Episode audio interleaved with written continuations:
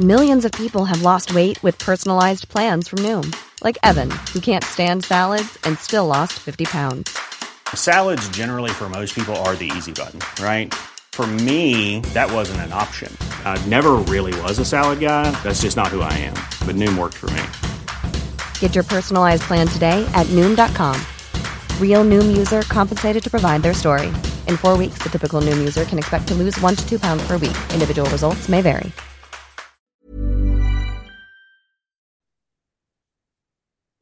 Halo pendengar GGMI Podcast, baik lagi bersama kita berdua dan masih dalam suasana FIFA Match Day menjelang kualifikasi Euro dan juga Piala Dunia. Kita mau ngebahas terkait posisi central midfielder setelah sebelumnya kita bahas masalah CB dan juga striker. Nah, kalau boleh diceritain sedikit nih bos, kira-kira apa nih urgensi kita mau melakukan entah pembelian atau mungkin loan untuk midfielder di bulan Januari 2024. Silakan ceritain bos. Iya, midfield ini kan sebenarnya lagi-lagi ya kayak CB kemarin yang kita tuh tiap tahun beli tapi selalu nggak pernah nemu komposisi yang bagus gitu. Komposisi bukan bagus ya, tapi komposisi yang tepat dan seimbang ya. Karena dari zaman dulu ya, dari zaman Mourinho sampai Ten Hag sekarang selalu yang di sebuah kata yang di apa ya, di highlight itu adalah balance gitu loh. Gitu. Jadi balancing ini tuh selalu lacking di MU gitu. Entah mungkin dari sisi physicality-nya atau dari sisi tekniknya, kualitinya gitu. Jadi memang balance ini harus selalu kita cari gitu dan sayangnya sampai sekarang kita tuh masih belum nemu balance yang tepat seperti apa gitu. Mungkin dulu di zaman Ole ya sempat kita melihat bahwa balance terbaik adalah ketika memainkan McTominay, Fred dan juga Bruno gitu. Dengan Pogba main di sayap kiri gitu. Itu menurut gue salah satu midfield paling balance yang pernah gue lihat gitu dengan jadinya jadi kayak empat dua dua dua gitu dua DM Fred sama Scott dan juga dua AM Bruno dan Pogba gitu cuma sayangnya memang ya Pogba ini kan seperti itu ya gitu jadi banyak banyak kasusnya lah kasarnya ya gitu ya, ya, mungkin ya, kalau ya. masih di MU sekarang MU kena getahnya nih dengan dia ternyata doping, doping kan? Uh, uh, gitu. Jadinya ya udah bagus saja buat MU untuk melepas Pogba. Nah sampai sekarang kita belum nemu nih midfield composition yang pas gitu. Bahkan sampai akhirnya kita di musim lalu ya kita secara mendadak ketika gagal datengin Frankie De Jong kita datenginnya Casemiro. Yang ternyata setelah kita tahu beritanya Casemiro ini bukan pilihan Ten Hag. Dan juga sebenarnya bukan pilihan klub dari awal tapi karena ditawarkan sama agennya gitu loh jadi agennya Casemiro kayak mungkin jual barang. Lo mau gak nih Casemiro nih barang bagus gitu. Udah yeah. udah gak tua sih tapi masih bagus kok. Dan MU melihat kesempatan itu dengan nama besar, pengalaman di Real Madrid, kemudian gagal datengin Frankie De Jong. Ini kita butuh sosok yang bisa meredam mungkin amarah fans ya. Dan itu orangnya yeah. adalah Casemiro. Dan nggak jelek sebenarnya, malah bagus ya bisa menjadi pemain kunci kita di musim lalu. Cuma sayangnya musim ini itu decliningnya parah gitu. Kayak apa ya? Kita melihat sisi Casemiro yang kita nggak pernah lihat sebelumnya gitu. Bahkan kayaknya Casemiro di Real Madrid nggak pernah sejelek ini gitu. Ada yang bilang katanya memang dari sisi fisik udah menurun. Ada yang bilang kalau memang uh, apa ya? MU nggak bisa menjaga kebugaran pemain gitu. Ada yang bilang juga memang ya apa ya? Ya usia gitu dan juga memang dia tidak termotivasi main di MU gitu. Ya gue nggak ada yang tahu yang benar yang mana. Atau pergantian taktik ya dari Ten Hag ya. Kita nggak ada yang tahu gitu. Nah makanya dengan seperti ini situasinya MU nih ya melihat bahwa kayaknya kita udah nggak bisa nih mengandalkan pemain yang selalu usianya itu udah uzur gitu. Kita yeah. udah mulai membeli pemain untuk jangka waktu 10 tahun ke depan gitu loh.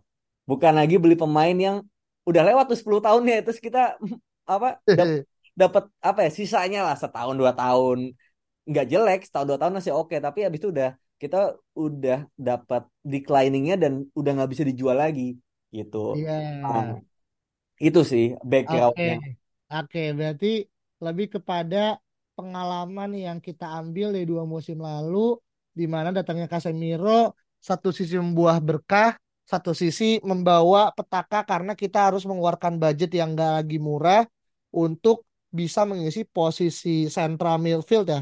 Mungkin utamanya defensive midfield yang tadi Alvin bilang kalau bisa sih untuk jangka waktu 10 tahun ke depan gitu kan. Yang mana tentu namanya mulai nih ya beredar nih Vin dan gue kan sempat lihat tuh ada dua nama nih yang santer satu dari Brazil satu dari Portugal yang mana kalau yang dari Brazil adalah Andre Andre Trin Trindade lebih tepatnya dan yang kedua adalah Joao Neves ya Ya. pemain dari Benfica ini bukan Joao Neves-nya eh, Wolverhampton ya beda nih sama-sama Portugal tapi yang ini lebih muda nah silakan Vin mau dibahas yang mana dulu Vin Ya, mungkin dari Andre kali ya. Jadi Andre ini sebenarnya udah rame itu dari musim lalu. Cuma emang nggak kayak MU ramenya gitu. Jadi Andre Trindade kayaknya usianya juga udah bukan lagi yang muda banget ya. Tapi dia 22 tahun nih. 22 tahun, 176 cm, defensive midfield, mainnya tuh di eh, apa ya, tim Brazilnya namanya ya?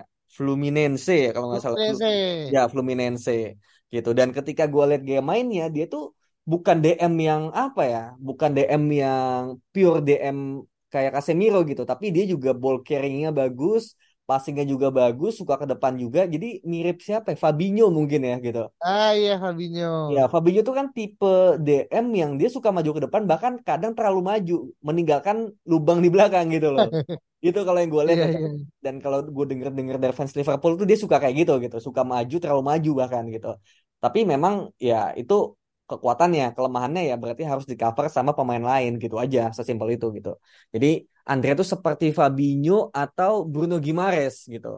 Dan ah kita iya juga bahwa Bruno Gimaresnya Newcastle tuh memang sebagus itu gitu dalam apa ya mendistribusikan bola ya. Dia bukan DM yang hajar sana hajar sini, tapi ya dia bisa main bola kasarnya gitu ya, bisa mengalirkan bola, bisa mengatur tempo permainan dan itu kan sebenarnya DM yang kita butuh gitu. Jangan sampai kita punya DM tuh yang satu dimensi cuma bisa gerasa gerusuk tapi ketika dikasih bola dia panikan gitu. iya Ketika karena kan kita adalah tim besar yang mindsetnya itu kita harus menyerang gitu. Kita harus me, apa ya?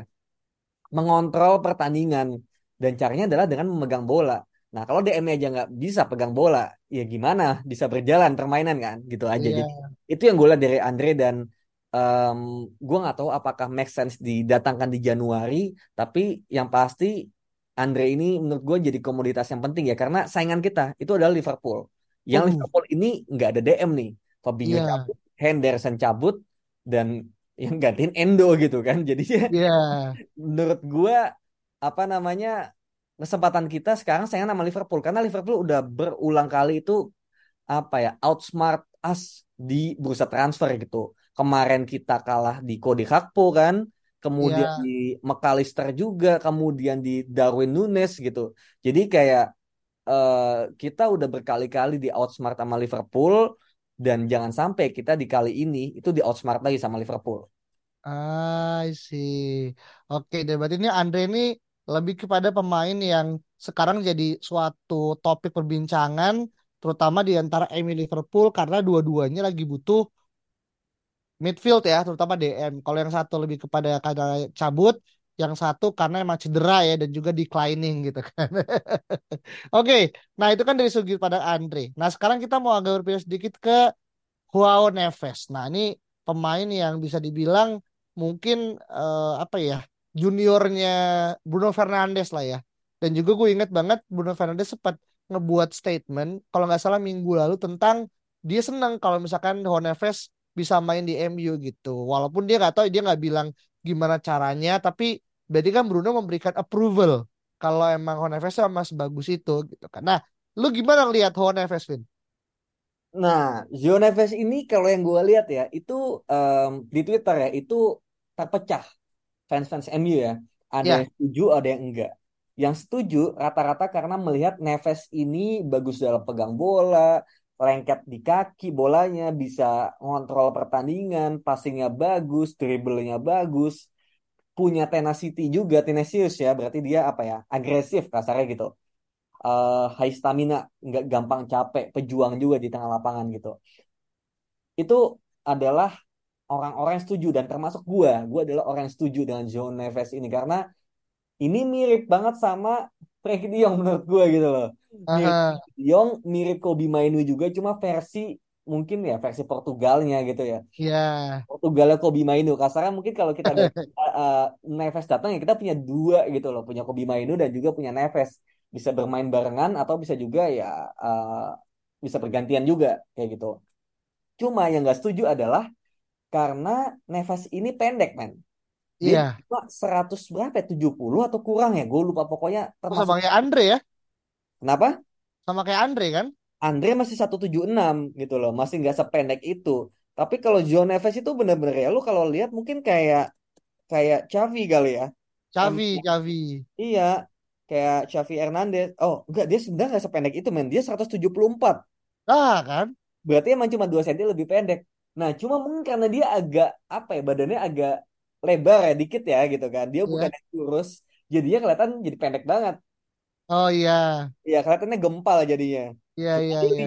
untuk seorang gelandang gitu. Jadi mungkin e- emang looks-nya doang ya. Karena Paul Scholes juga nggak tinggi kan, tapi kita Iya. lihat bagaimana pengaruh Scholes gitu. Bahkan kita sampai sekarang masih mencari pengganti Paul Scholes setelah 10 tahun gitu loh. Jadi Iya, iya, jadi menurut gue ya tinggi itu bisa diakalin gitu. Nah, jadi lebih ke yang nggak setuju karena physicality gitu. Dan mereka rata-rata prefer ke Amado Onana yang Oh, memang Onana Everton. Ya, physically monster gitu loh. Gue sih Onana Iya. bukannya nggak setuju ya, cuma Onana oke beli, tapi Neves juga dibeli gitu loh, karena profilnya beda. Karena gini, kita yang yang yang Onana ya, itu kita udah punya sosok di Scott McTominay gitu. Meskipun Onana ini lebih lengkap daripada Scott McTominay ya, gue Ya, setuju aja. Tapi jangan sampai kita udah punya Onana, punya Scott McTominay juga gitu loh. Kita ya ngapain kita punya dua tiang listrik gitu loh, yang iya. apa ya agak limited gitu. Sedangkan kita nggak punya pemainnya seperti Neves gitu loh. Jadi daripada kita cuma upgrade sedikit atau malah nambah yang tipe yang sama, mending kita beli pemain yang kita nggak punya profilnya atau ya Mainu kan profilnya bisa dibilang masih raw banget ya gitu kan meskipun udah bagus tapi why not kita beli pemain yang kualitasnya sama bagusnya gitu loh gitu sih jadi gue sejujurnya di antara dua yang eh, apa dua kemungkinan yaitu setuju dan gak setuju sama Joe Neves ini gue adalah pihak yang setuju sama Joe Neves Oke. Saya so far dari yang Andre juga lu setuju juga kan harusnya kan? Andre gue setuju Iya kan? Berarti ya kan Andre dan juga Honeves adalah opsi yang bisa dibilang buat kita berdua lah setidaknya ya. Gue nggak tahu Saung gimana, tapi kita approve lah kalau memang ini jadi suatu pembelian yang smart karena satu masih muda, yang kedua prospeknya tinggi gitu kan. Walaupun gue inget juga tuh kalau Alvin juga mungkin inget pada saat kita off the record kemarin eh, setelah ya kita ketemu gue bilang kalau Andre kan usia dia nggak muda ya 22 23 gitu kan yang mana gue selalu merasa ini perspektif gue sendiri kalau pemain Brazil dia itu usianya udah menginjak angka kepala dua tapi belum ke Eropa berarti either itu belum mateng atau emang mungkin dia ya sosok aja gitu loh Vin. iya iya I'm Sandra, and I'm just the professional your small business was looking for. But you didn't hire me because you didn't use LinkedIn jobs. LinkedIn has professionals you can't find anywhere else, including those who aren't actively looking for a new job but might be open to the perfect role, like me. In a given month, over 70% of LinkedIn users don't visit other leading job sites. So if you're not looking on LinkedIn, you'll miss out on great candidates like Sandra. Start hiring professionals like a professional. Post your free job on linkedin.com/people today.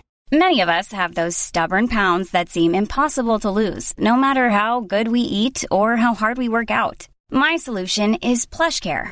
PlushCare is a leading telehealth provider with doctors who are there for you day and night to partner with you in your weight loss journey. They can prescribe FDA-approved weight loss medications like Wagovi and Zepbound for those who qualify. Plus, they accept most insurance plans. To get started, visit plushcare.com slash weight loss. That's plushcare.com slash weight loss.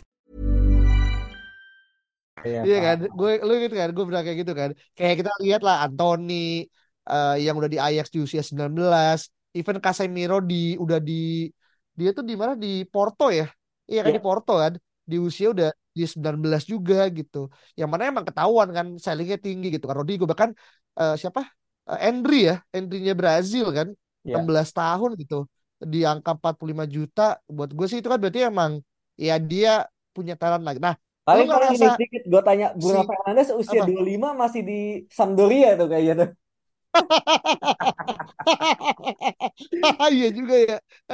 Iya, jadi emang kadang-kadang apa ya kita nggak bisa pukul rata sih, kita nggak bisa pukul rata karir seseorang gitu. Ada yang di iya. usia matang tuh dia masih terdampar lah ya di antah berantah, tapi tiba-tiba karena dia bekerja keras dalam satu atau dua musim nasibnya berubah gitu, bisa aja. Jadi emang gua gua ngerti poin lu dan itu nggak salah, tapi eh, Iya.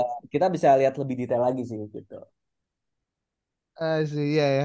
Bigger picture-nya emang kadang kita nggak pernah tahu ya eh, secara gimana perkembangan karirnya seseorang gitu kan. Tapi gue kemarin sebelum kita tag ini gue nonton video kompilasinya Andre yang 12 menit dan gue ngerasa impress sih. As in dia bener-bener kayak berani untuk duel secara one on one ya. Kayak dia pegang bola juga bagus. Eh, terus juga juga umpan-umpan pendeknya juga oke. Walaupun gue nggak tahu ya apakah DM tuh harus punya atribut umpan panjang. Karena gue selama dua menit tuh nggak pernah tuh ngelihat Ande tuh ngelakuin umpan panjang gitu, Vin, Hmm. diagonal gitu loh. Kalau Ho Neves ada apa sih beberapa kali gitu. Karena lu ngerasa atribut apa yang akhirnya dibutuhkan sama MU untuk DM selain daripada usianya. Kalau gue kan tadi gue sih prefer pengen punya DM kayak Paul Scholes yang mungkin dia secara as in kayak gimana diagonal tuh wah bagus banget lah gitu kan. Nah sayangnya Andre gue ngeliat nggak nggak nggak di nggak memilih nggak, kayaknya tuh bukan strengthnya dia lah gitu. Lalu ada nggak poin lain yang mungkin menurut tuh jadi suatu pertimbangan? Ya, oke, gue ngerti sih masalah long pass itu memang penting. Cuma mungkin ya nantinya long pass itu bakal diambil sama pemain lain role-nya gitu. Karena eh, apa ya? Kita di lapangan itu kan nantinya nggak akan saklek gitu. DM berarti Andre bakal lebih di belakang. Misalnya nanti CM-nya Neves, Neves lebih ke depan gitu. Bahkan kemarin aja di pertandingan terakhir, Erikson, Scott McTominay dan Bruno yang di belakang adalah Erikson kan, gitu loh. Ya, Scott McTominay sama Bruno di depan gitu. Padahal mungkin di atas kertas Erikson juga bukan DM gitu loh. Tapi memang ya, ketika menyerang itu skemanya seperti itu. Jadi bisa aja nantinya ketika kita pegang bola misalnya gitu. Ya Neves yang mengatur bola dari belakang. Yang melakukan long pass atau apa gitu. Tapi Andre itu lebih ke lebih maju ke depan dan menjaga kalau misalnya Neves salah oper atau kita kena counter dia bakal langsung motong dari sana gitu gitu dan kalau misalnya buntu ya bisa uh, wall pass juga gitu jadi memang di sini meskipun long pass penting tapi perannya juga masih bisa diambil pemain lain gitu jadi nggak mesti saklek harus Andre yang melakukan gitu Oke, lu berarti memberikan pembelaan ya. ya Oke, untuk karena, karena gimana? DM DM yang berkualitas sekarang tuh udah susah gitu loh bener-bener namanya tuh sebagus itu susah adanya tuh nama-nama yang apa ya jarang lah gitu loh kayak ya mungkin yang bagus ya yang udah diambil ya Declan Rice gitu ya secara fisik Oke. oke ball carryingnya oke passingnya oke semuanya oke Declan Rice udah diambil gitu jadi sekarang tuh yang bagus paling siapa yang berpotensi bagus ya Andre kemudian gue lihat juga Zubimendi punya Real Sociedad gitu Iya, Iya, itu katanya diincar juga sama Arsenal gitu karena Thomas Partey ini kan cedera terus ya. Gitu. Jadi harus ada pemain yang bisa melapis Declan Rice dan itu Zubimendi itu adalah pemain yang gue juga pengen gitu karena dia sangat-sangat apa ya? Bisa di kayak mirip Rodri gitu loh. Cuma iya. dari sisi fisik nggak sebagus Rodri gitu. Cuma dia bisa pegang bola gitu. Jadi makanya lagi-lagi gue berharap nantinya siapa yang dibeli itu tergantung sporting director kita. Kita mau bermain seperti apa. Jadi jangan sekarang permintaan transfer itu dari dari Ten Hag gitu, tapi harus dari sporting director. Nanti ya mungkin Ten Hag juga menyampaikan visinya kepada sporting director dan sporting director itu nanti akan meramu. Gue bakal main seperti apa, pemainnya siapa, udah Ten Hag terima terima jadi aja gitu loh. Gitu. Karena Ten ini kan pasti ID talentnya terbatas kan, sama dengan pelatih-pelatih lain. Gue inget dulu Liverpool itu nggak mau beli so, sorry Jurgen Klopp itu nggak mau beli Mo Salah ya. Ini kalau bener ya ceritanya, gue lupa gue baca di mana. Tapi dulu Klopp itu mau belinya seorang sayap yang lain. Tapi si Michael Edwards, pokoknya sporting directornya itu menyarankan beli Mo Salah. Dan kita lihat Mo Salah seperti apa sekarang, gitu. Jadi kadang-kadang kita nggak bisa terlalu eh, kepada pertelan idenya pelatih ya, karena pelatih pasti terbatas. Tapi ya namanya sporting director itu linknya tuh dari mana-mana dan itulah yang kita butuhkan nantinya. Gitu. Mungkin terlihat akan salah, tapi semoga nantinya bakal jadi keputusan yang benar. Oke. Wah, ini gue baru dengar tuh ceritanya mau salah yang akhirnya eh ya terlepas ujungnya jadi kayak oh, oh, ini ya over expectation ya dari Mo Salah yang bagus banget gitu kan. Tapi itulah kenapa akhirnya kita nggak eh, kita mungkin missing ya Vin ya. Eh, ya memang akhirnya jujur itu adalah privilege Liverpool yang kadang gue juga agak iri sih secara talent rekrutmennya dia tuh bener-bener oke walaupun ada beberapa yang mungkin flop ya tentu semua tim nggak ada yang bisa terlepas dari pembelian yang kurang baik tapi sekarang Liverpool tuh gue ngerasa dari mulai Darwin Nunes yang mungkin di awal musim kita inget banget ya pas kita tag sama temennya Saung tuh kan yang lu bilang enggak dong masih eh, kayak Andy Carroll aja gitu kan. Gue masih inget. Sekarang dia udah jadi suatu eh, striker yang bahkan bisa dibilang ya ya tumpuannya Liverpool gitu kan.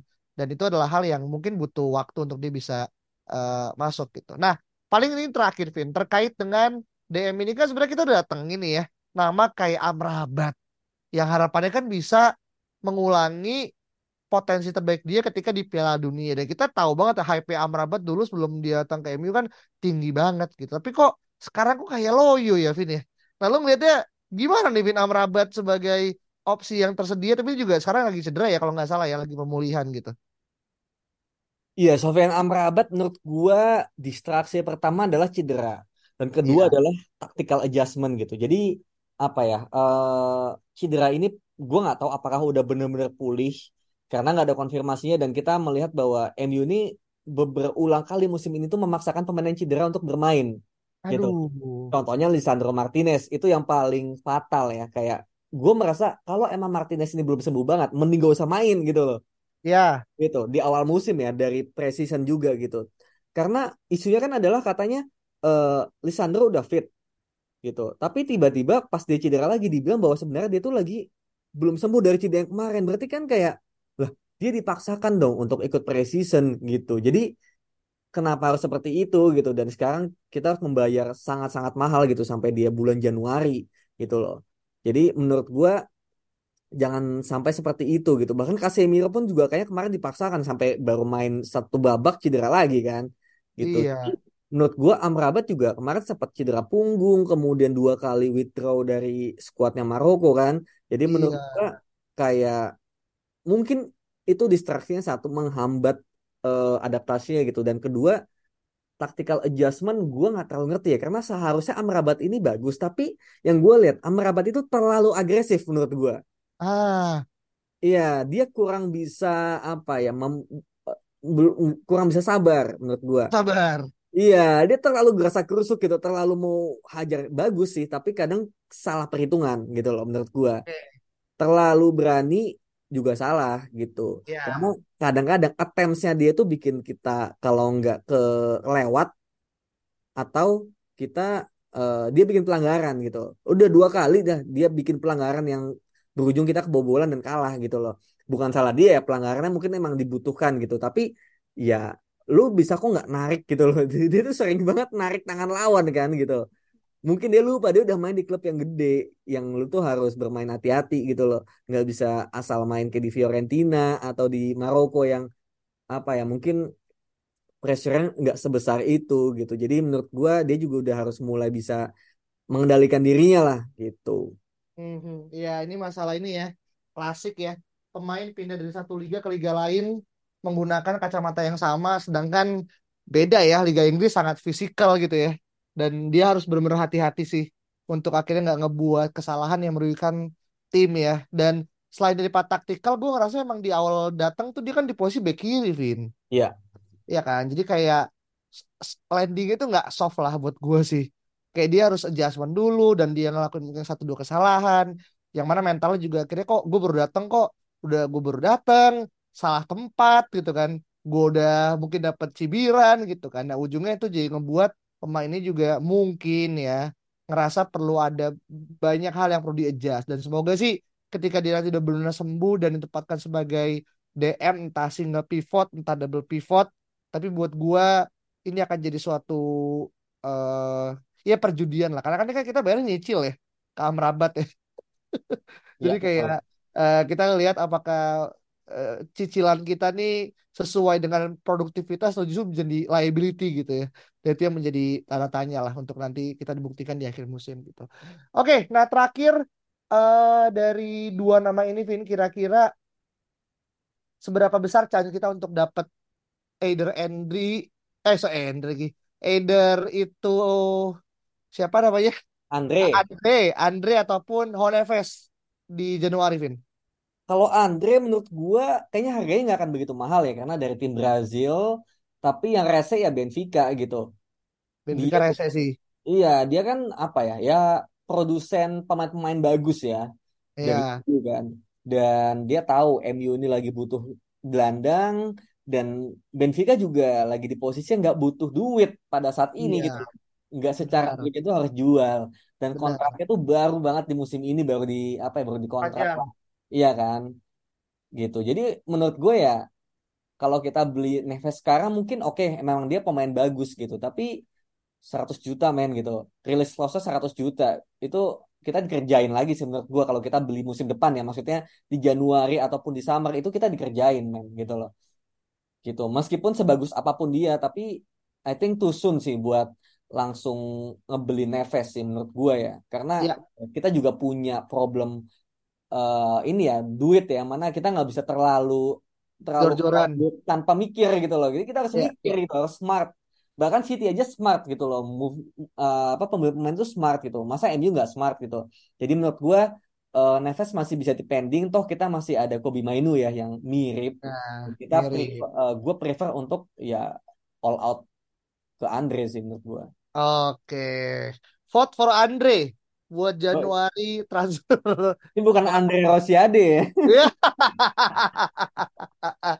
GGMI juga tidak berdomisili di Padang ya, mohon maaf. betul tapi kalau anaknya boleh lah